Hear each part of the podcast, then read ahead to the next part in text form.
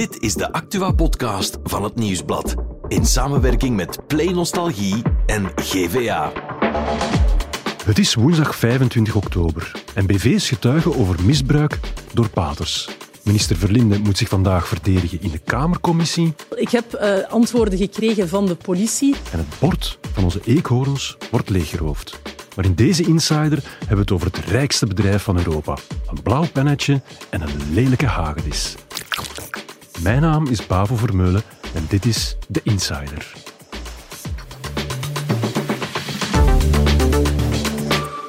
Het is vandaag iets drukker dan gewoonlijk in onze podcaststudio, want we krijgen vandaag twee insiders voor de prijs van één. Want hier zitten reporters Kim Clemens en Thibaut Rançon, die alles weten over Ozempic. Want daar hebben we het over vandaag.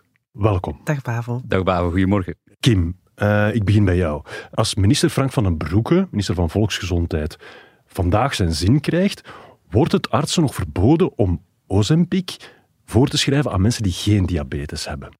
Normaal gezien kan een minister niet beslissen wat een arts voorschrijft.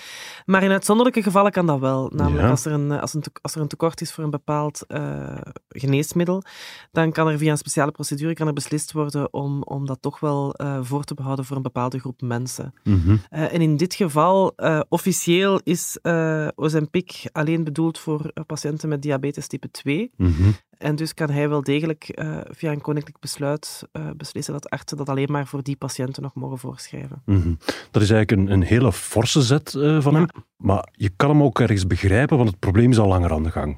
Ja, dat is ook omdat je het overal ziet opduiken. Hè. Mm -hmm. Het wordt door heel veel mensen gebruikt of voorgeschreven door hun arts om, mm -hmm. ja, wat we dan noemen in medische termen, on oneigenlijk te vermageren. Je hebt artsen die zeggen, ik durf het wel eens voorschrijven aan patiënten die een BMI hebben van 38 of 40, maar dat zijn Mhm. ja, obese, ernstig obese, zelfs voor morbide obese uh, patiënten. Aan de andere kant heb je, als we het mogen geloven, een hele grote groep artsen die zelf zeggen, ja, als je bij mij komt met een BMI van 25 of zelfs onder de 25, een beetje buikvet dat je weg wil krijgen, uh, bikini-proof te willen staan. Ja, dat zijn mensen met een luxe probleem. Dat zijn mensen met een luxe probleem. Ja. Maar daar gaat het ook, als je ziet, ja, een, een bekende tv-presentator, zonder bij naam te noemen, uh, die toch ook niet, ik ken de BMI niet, niet uh, helemaal persoonlijk van buiten, maar toch ook geen groot obese probleem lijkt mm -hmm. te hebben ook heel openlijk zegt van ja, ik heb het ook voorgeschreven gekregen en ik ga het ook gewoon kunnen gebruiken. Dus ja, daar zit een groot probleem, denk ik. Ja, als hij er openlijk over praat, waarom zeg je dan niet over wie het gaat? Het gaat om het baasje van Samson. Ah,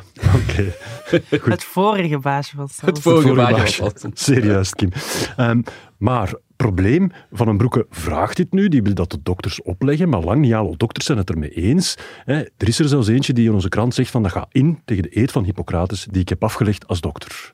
Ja, dat is, uh, dat is iets, dat is een, een, discussie die al langer aan de gang is. Uh, vele endocrinologen die al heel lang werken met patiënten met obesitas, zien hier nu voor het eerst een middel dat echt werkt en mm -hmm. waar dat de bijwerkingen eigenlijk uh, heel goed meevallen. Dus die vinden van ja, wij moeten dat wel uh, mogen voorschrijven aan die patiënten ook. Ja, zowel diabetici ja. als mensen met een Ja, omdat er ook geen alternatief is voor obesitas. Mm -hmm. Kim, je hebt gisteren gesproken ook met een aantal patiënten, hele concrete uh, verhalen. En zij zeggen dat ze in gevaar komen door die beslissing van Van den Broeke. Dus ze hebben geen diabetes, maar zullen dus geen Ozempic meer voorgeschreven ja, ja. Krijgen. Ja, dat zijn heel, heel tragische verhalen van mensen die zeggen van ja, waarom uh, moet ons medicijn dan, dan ons worden afgenomen? Mm -hmm. uh, Eén die mij bijbleef was uh, Sabine. Sabine is 57, is chronisch pijnpatiënt. Ja. heeft echt ondraaglijke pijnen gehad. Die zegt van ja, ik stond op het punt om euthanasie aan te vragen. Ik, ik, ik kon het echt niet meer hebben. Het gewicht van, de, van haar pijnmedicatie, onder meer ketamine-infusen, dus echt heel zware, zware, heel zware mm -hmm. pijnstillers, verdikte ze. Maar door dat extra gewicht werd de pijn nog erger. Ja. Dus ze moest afvallen, maar ze kon niks. Niks werkte ook. Tot Omdat die kilo's erbij kwamen door het ja, medicijn. Ja, ja. Mm -hmm. en bewegen ging niet door de pijn, dus ja, je zit in een visieuze cirkel vast. Tot Ozempic. En door Ozempic is zij wel afgevallen. Werkt de medicatie ook beter, omdat ze dan minder weegt.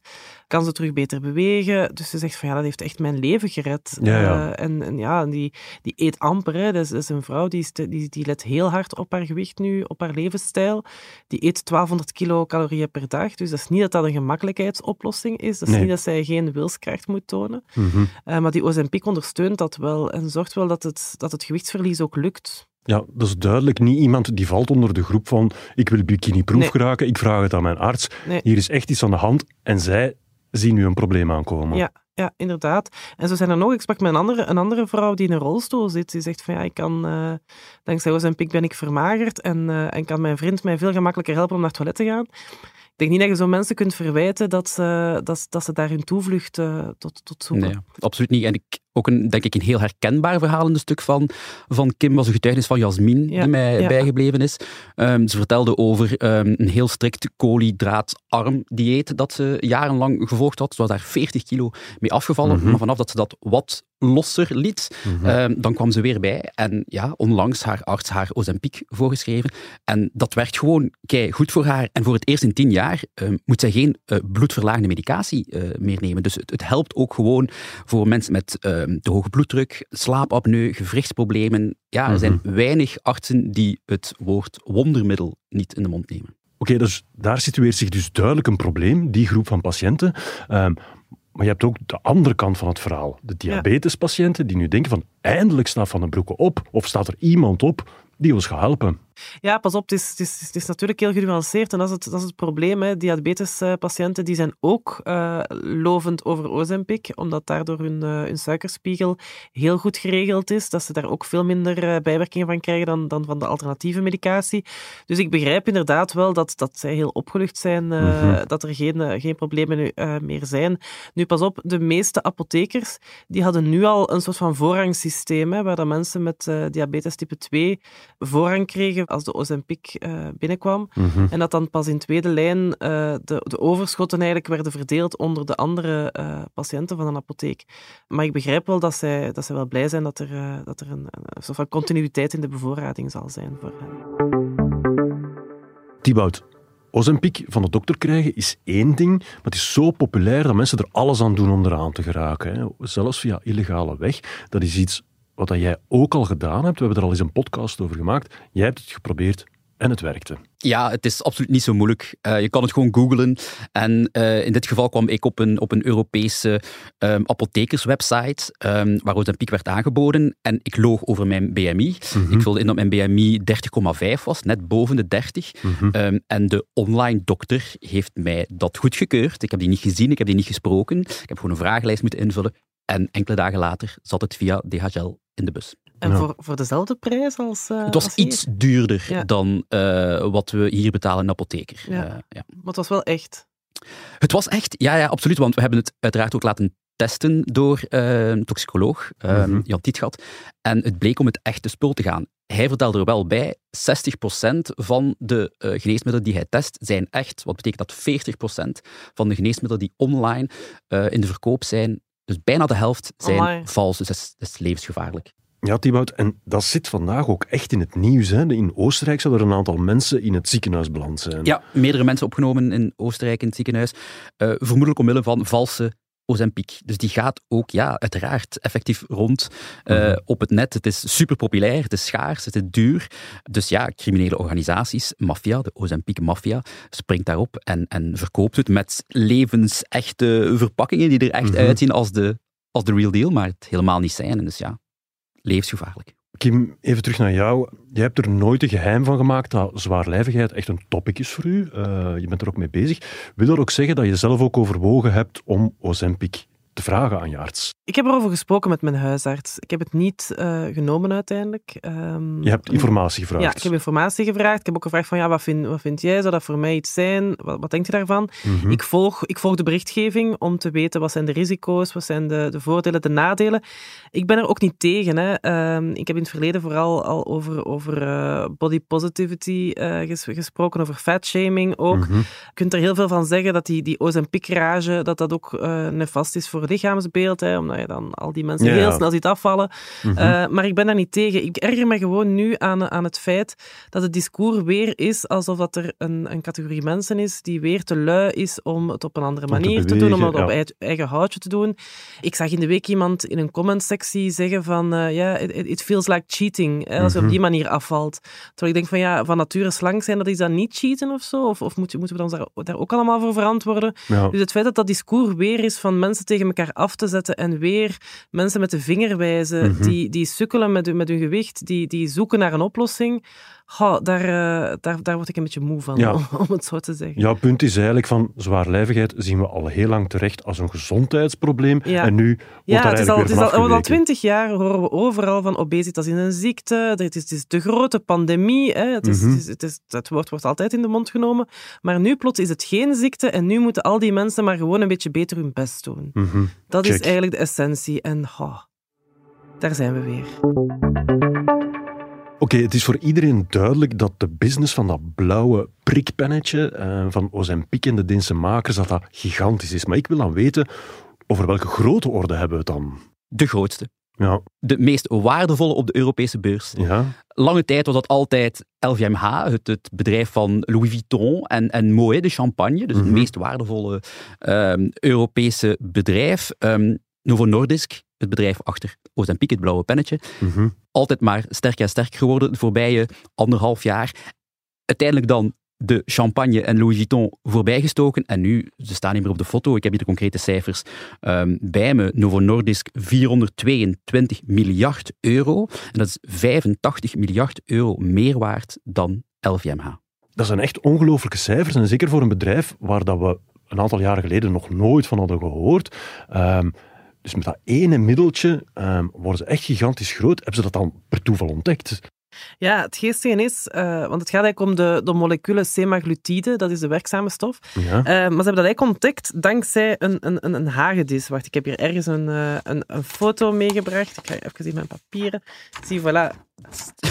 Het ziet eruit als het monster hem. van Loch ja, Ness. Ja, inderdaad. Het, het Gila-monster heet hij dan ook. Dus ja. Ja, jullie kunnen natuurlijk uh, niet zien als... Stel je een ja. gigantische hagedis voor, zwart met witte vlekken.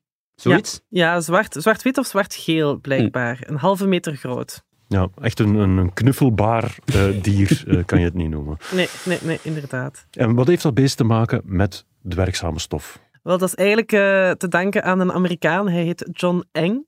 Die ontdekte ergens in de jaren tachtig al dat het gif van die hagedis, dat daar een eiwit in zit dat heel hard lijkt op het menselijke hormoon GLP-1. Mm -hmm. Dat is eigenlijk een hormoon dat de alvleesklier of de, de pancreas uh, het signaal geeft om insuline te produceren. En uh, dat zorgt er dan weer, dat er onze, weer voor dat onze bloedsuikerspiegel onder controle blijft. Ja, dat doet een beetje denken aan andere ontdekkingen in de medische wereld. Bijvoorbeeld de lama's, en dat die afweerstoffen, dat die ook de, de mensen kunnen helpen. En zo is die man daar dus opgekomen. Ja, ja, inderdaad. En dat is dan opgepikt. Hij werkte voor Novo Nordisk? Of dat nee, is nee, nee, nee. Hij heeft het eigenlijk in 1993 heeft hij het, uh, het gepatenteerd. Hij, hij, hoopte dat er misschien een ander farmaceutisch bedrijf in geïnteresseerd zou geweest zijn. Mm -hmm. Maar ja, het middel was toen iets waar je zo misselijk van werd dat je precies altijd zeeziek op een boot zat. dus, ja. dus je zou geholpen zijn tegen suikerziekte, maar de nevenwerkingen waren echt verschrikkelijk. Ja, echt verschrikkelijk. Ja. ja. Constant gewoon misselijk. dus daar was, ja, was uiteraard geen hond in geïnteresseerd. Ja. Het is pas jaren later dat uh, Novo Nordisk ermee aan de slag ging. Ze hebben eerst nog een andere variant uh, van die stof uh, gemaakt, Mhm. mm -hmm. um, die, die minder goed werkte. Maar het is pas toen dat, eigenlijk, toen dat semaglutide dan op punt stond, dat ze merkten van ja, dat is echt heel goed om de bloedsuikerspiegel te regelen. Dat het eigenlijk duidelijk was dat ze, dat ze iets goed in handen hadden. Mm -hmm. En dat is het moment waarop dan Novo Nordisk echt aan de jackpot trok en de bal gaan, aan het rollen ja, ja, ja, ja, ja, zeker, zeker toen, als ze, toen als ze hebben ontdekt dat het ook, dat ook zorgt voor, de, voor een verzadigingsgevoel. Hè. Dus Mhm. dat uh, dankzij dat hormoon, dat je gewoon geen honger meer hebt. Ja, dat Ja. ook cravings wegvallen en zo. Dus, uh, Ja, maar toen ze het lanceerden was het echt louter een diabetes Ja, medicijn. ja. Al de rest is daarna gekomen. En dus inderdaad minder vaak willen eten als je eet, uh, minder eten. Ja. En vetverbranding, maar nog meer dan diabetes, obesitas, zien we nu ook uh, goed tegen de hoge bloeddruk, uh, Mhm. oplossing voor hartproblemen, mogelijk zelfs tegen verslavingen. Allee, ja, opnieuw woord wondermiddel kunnen, we, kunnen we, of nemen artsen in de mond. Zeg Kim, en die arme meneer Eng, die dus eigenlijk dat Gila-monster eh, heeft ontleed en gezien dat er een werkzame stof in zat, verdient hij daar nu ook geld aan? ja, naar verluid toch wel uh, enkele, enkele miljoenen royalties per jaar. Dus uh, hij zal er niet armer van worden. Nee, ja, gelukkig voor hem, want in het begin geloofde niemand erin. Nee, nee inderdaad. Nee. En trouwens, ik heb gezien dat Gila-monster, die, die, die hagedis van een halve meter, die zit dus ook in de zoo van Antwerpen. Hè. Ik vraag, vraag me dan af, van, ja, gaat daar nu meer volk naar kijken? Uh... Ik, ik heb het nog Misschien niet, nu wel, hè? Ja, ik heb het nog niet bevestigd gekregen, Bavo, maar naar verluid heeft uh, minister Van den Broeke een abonnement op de zoo van Antwerpen, enkel en alleen om het Gila-monster te bezichtigen. Oké, okay. Kim, Thibaut, heel erg bedankt voor jullie expertise en tot de volgende keer. Dat is heel graag gedaan. Met veel plezier. Voor het andere nieuws van vandaag is producer Bert er komen bijzitten. Hey Bert. Dag Bavo. Um, prominent in het nieuws vandaag is een getuigenis van ex-minister van Justitie Vincent van Quickenborne. Dat was gisteren in de mm -hmm. tafel van Gert.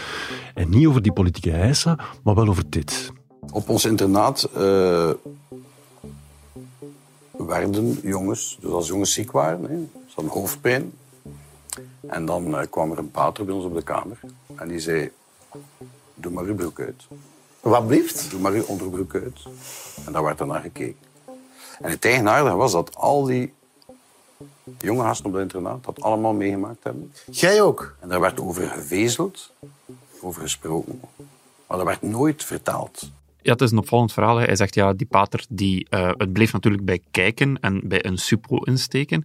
Um, dat leek op dat moment voor uh, de leerlingen een logische handeling. Mm -hmm. Maar achteraf bekeken was het natuurlijk wel misbruik. Uh, en ook opvallend, Sven Ornelis, die ook op dat college heeft gezeten in Gent, het Sint Barbara College, um, die getuigde ja, daarover ook bij Joe vanochtend. Mm -hmm. um, die zei van, ja, destijds was het mijn lievelingspater ik diende mee de mis en zo verder en zo voort. En uh, ik heb dat nooit als traumatisch ervaren. Maar als je nu weet dat hij wel op de lijst van Operatie Kelk stond, ja, dan bekijk je dat natuurlijk helemaal anders. Dit zou er opnieuw voor kunnen zorgen dat er uh, meer en meer getuigenissen naar boven komen. Ja, ja en dat ook de, de, de discussie rond wat was nu effectief misbruik en wat niet, uh, wordt daar ook wel goed gesteld. Allee, het, het gaat niet alleen om heel zware feiten. Het ja. gaat ook eigenlijk echt wel om, om ja, dingen die toen onschuldig leken, maar die nu helemaal niet zijn. Ja, en ook nog altijd traumatisch ervaren kunnen worden. Inderdaad.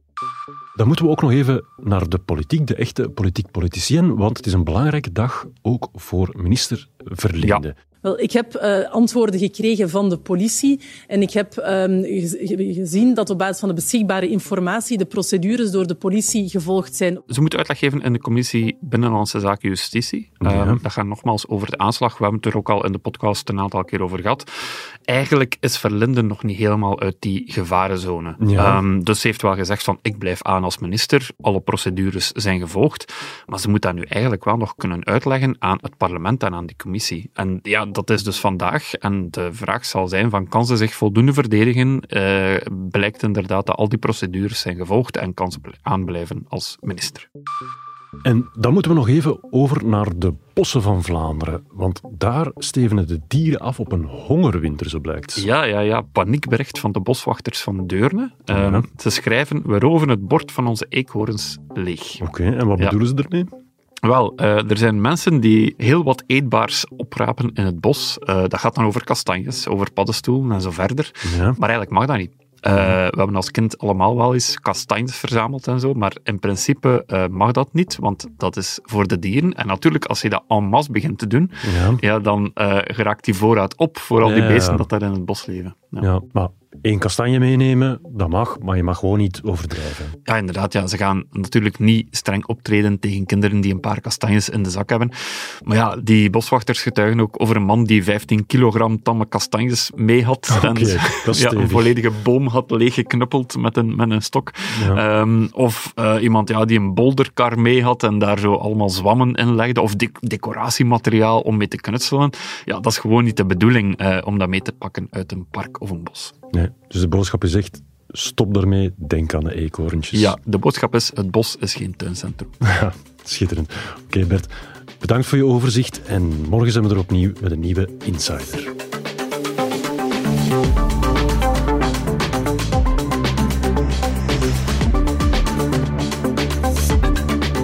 Dit was The Insider, een podcast van het Nieuwsblad in samenwerking met Play Nostalgie en GVA.